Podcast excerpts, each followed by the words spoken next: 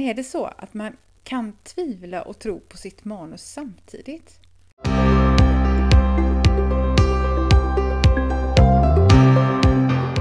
Hej och välkomna till Konsten att sabba en story. En podd om skrivandets vånda och glädje. Det här är podden för dig som vill skriva mer, bli bättre och lära dig av misstagen så att du inte sabbar storyn.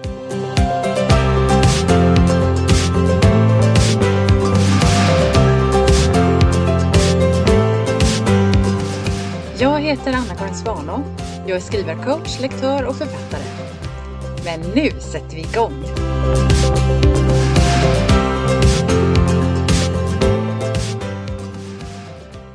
Välkomna till avsnitt 19. Nu är det mycket på gång. I förrgår höll jag ett välbesökt webbinar om att skapa skrivarvanor som håller. Och just den här veckan så har Skrivklubben öppnat för nya medlemmar om man vill anmäla sig.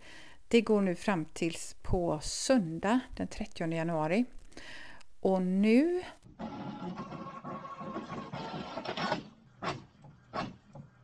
Ja, hör ni vad det är som låter? Nu håller min skrivare på att jobba så att det ryker. Jag skriver ut hela mitt manus på papper.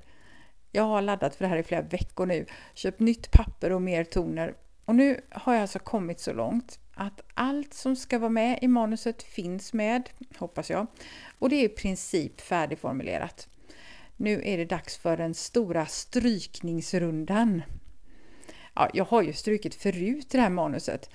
Efter att jag skrev klart första utkastet i maj förra året och efter en skrivpaus på över tre månader så strök jag halva storyn. Sedan dess har jag tänkt om och skrivit om och skrivit nytt. Och jag lyckades faktiskt komma tillbaks till min skrivrutin. Eh, det här med att arbeta med manuset lite varje dag, så som jag gjorde före det långa uppehållet. Det var trögt i början, det var det, men sen fick jag fart. Och jag vet att jag är lite tjatig med det här, men skrivrutin är verkligen toppenbra för att komma någon vart. Jag är övertygad om att jag inte hade kommit så här långt och lärt mig så mycket på kuppen om jag inte hade haft den här regelbundna rutinen. Om jag bara hade skrivit när jag haft tid över eller bara när inspirationen flödat, ja men då hade det nog inte blivit så många ord skrivna. Skrivtiden finns ju där när jag skapar den tiden. Och inspirationen kommer när jag tragglar på, inte tvärtom. En person som har inspirerat mig mycket när det gäller just att skapa vanor som håller, det är James Clear. Det är han som har skrivit boken Atomic Habits. Och han säger en sak som jag har funderat lite på. Eh, det här med att vår självbild spelar stor roll för vilka sorters rutiner som vi har lätt eller svårt för att skapa i vardagen. Eh, för vissa saker gör vi ju faktiskt utan särskilt mycket större ansträngning och det kan ha att göra med då hur, hur vi ser på oss själva. Eh, som ett exempel tar han då att om man till exempel vill springa ett maraton så ska man inte ha som mål att springa ett maraton utan att bli en löpare. Den bild jag har av mig själv spelar alltså roll för hur ofta eller hur mycket eller hur gärna och hur lätt jag gör någonting. Nu vill inte jag springa ett maraton, som tur är, utan jag vill skriva en bok. Men för att det ska hända så är det alltså bättre att inte ha målet skriva en bok, utan att bli en skrivande person. Och jag tror faktiskt att det här är en viktig pusselbit i min egen strävan efter att skapa en skrivrutin. För trots att jag tidigare gett ut flera böcker så har jag inte på allvar tillåtit mig att se mig själv som en skrivande person. Men nu gör jag ju faktiskt det. Jag vågar ju till och med prata om det här i en podd. Även om jag inte alls är så full av självförtroende hela tiden. Verkligen inte. Och jag är faktiskt lite rädd nu när jag kommit så här långt i manuset att det inte ska vara så bra som jag inbillar mig. Men är det så att man kan tvivla och tro på sitt manus samtidigt? Kan man se på sig själv som en skrivande person med stora drömmar och samtidigt känna sig som att Nej, men jag, jag bara fejkar alltihop? Ja, det kan man faktiskt.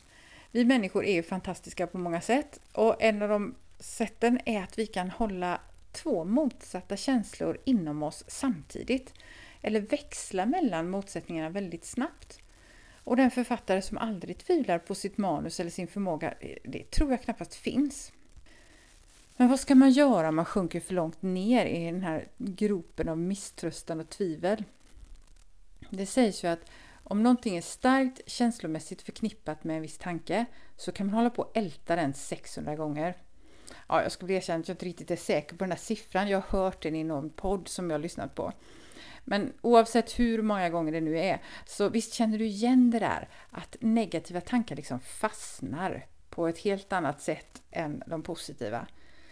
Eh, så om man har fått någon negativ kritik eller blivit ifrågasatt som skrivande person eller kanske fått refuseringar, ja, då kan man aktivt behöva mota bort de där tankarna så att, som är negativa och som liksom vill dra ner en, så att man inte ältar dem i onödan. För att fastna i det negativa och älta om och om igen, det är sällan särskilt hjälpsamt om man vill förbättra sig och komma framåt. Negativ kritik, det svider ju. Och misslyckanden också. Men jag försöker tänka på det som lärdomar. Det går ju verkligen inte av sig själv att vända tankarna åt det hållet, men när jag medvetet försöker se vad jag har lärt mig, då får jag liksom en helt annan känsla i hela kroppen. Och något annat jag försöker göra är att medvetet fokusera på det som är positivt. För visst har jag också fått positiv respons? Det har du också, eller hur? Visst finns det saker som du har gjort bra, texter som har blivit riktigt lyckade? Prova att älta dem en stund som omväxling. Nu har min skrivare tystnat. Det blev verkligen en maffig lunta att ta tag i. Ja, jag undrar om jag verkligen vågar läsa allt det där. Tänk om det är dåligt. Nej, jag tror inte att det är dåligt alltihop. Och jag har ju fortfarande chans att ändra på saker. Ja, ja, jag ska börja imorgon på mitt skrivpass. Eftersom jag är så babblig av mig så har ju också manuset blivit allt för långt, allt för ordrikt. Så nu ska jag ta bort upprepningar och utfyllnadsord och filterord och skräpord. Jag har lämnat detta till sist med flit. Vi är ju alla olika när vi skriver, som jag brukar påpeka. Och för min del så stoppar jag upp flödet om jag tänker för mycket på alla moment samtidigt. Och när utkastet finns då redigerar jag alltså en sak i taget. Och nu har jag då kommit till städningen. Min tanke är att ta bort 10% av varje sida. Det kanske blir 10% av ett stycke eller i vissa fall kan det bli 10% av varje mening. Och på det här sättet så kommer jag inte bara banta manuset till en mer hanterbar romanlängd, jag får också syn på det som är det riktigt viktiga. Så jag kan låta det komma fram ordentligt utan att det skyms, skyms av onödigheter. Och i det här läget så passar det faktiskt riktigt bra att nästa workshop i skrivklubben som vi kommer ha på torsdag, den handlar om att skriva kort. Alltså både att skriva i korta format och att skriva eh, så att man uttrycker mycket med få ord. Att vara lite mer precis. Det är bra för mig att få göra själv det som jag också lär ut. Att leva som man lär, ni vet. Det är svårt. I skrivklubben, som jag pratar om en hel del, den har ju blivit en så viktig del av mitt vardagsliv det här året som har gått. I skrivklubben har vi som ett frirum där man kan utveckla sitt manus tillsammans i en grupp med andra som också gillar att skriva. Men fokus är hela tiden ens eget manus och sitt eget skrivande. Vi sätter alla upp olika mål och vi har olika såna steg som vi tar varje vecka. Men alla hejar på varandra vilket gör att vi lättare kan uppfylla dem och hålla igång de här rutinerna. Skrivklubben är ju en prenumeration, ungefär som att man prenumererar på en streamingtjänst fast det här är ju mycket mer aktivt och personligt. Så varje månad kostar det 490 kronor att vara med. Och man kan vara med så kort eller så länge som man vill. Och allt som ingår kan du läsa på min hemsida. Varje månad har vi till exempel ett Zoom-möte med skrivövningar kring ett visst tema. Det kan till exempel vara gestaltning eller karaktärsutveckling eller så. Och varje månad har vi ett möte där vi eh, läser upp korta texter för varandra och ger och får respons. Och det brukar vara otroligt inspirerande.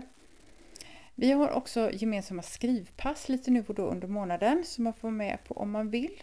Och så har vi en sluten Facebookgrupp där vi, som vi använder för frågor och skrivtips och att sätta upp våra mål och uppföljning och sådär. Det här med accountability, ni vet. Och hela vitsen med den här skrivklubben det är att verkligen få möjlighet att grotta ner sig i sitt manus. Att inte tappa sugen utan hitta sätt att komma vidare Både rent praktiskt med verktyg och strategier men också känslomässigt och mentalt.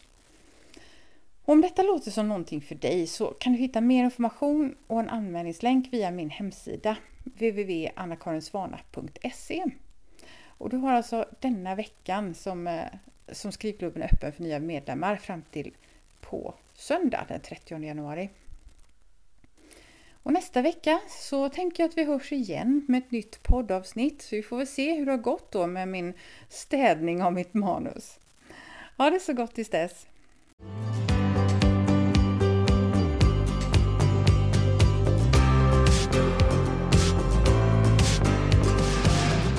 Det var allt för idag. Om du gillar podden skulle det vara toppen om du tipsar andra skrivintresserade också. Titta gärna in på min hemsida www.annakarinsvana.se. Där finns bland annat en gratis minikurs om att börja skriva. Där finns också mer information om mina tjänster och kurser. Men nu är det dags att börja skriva.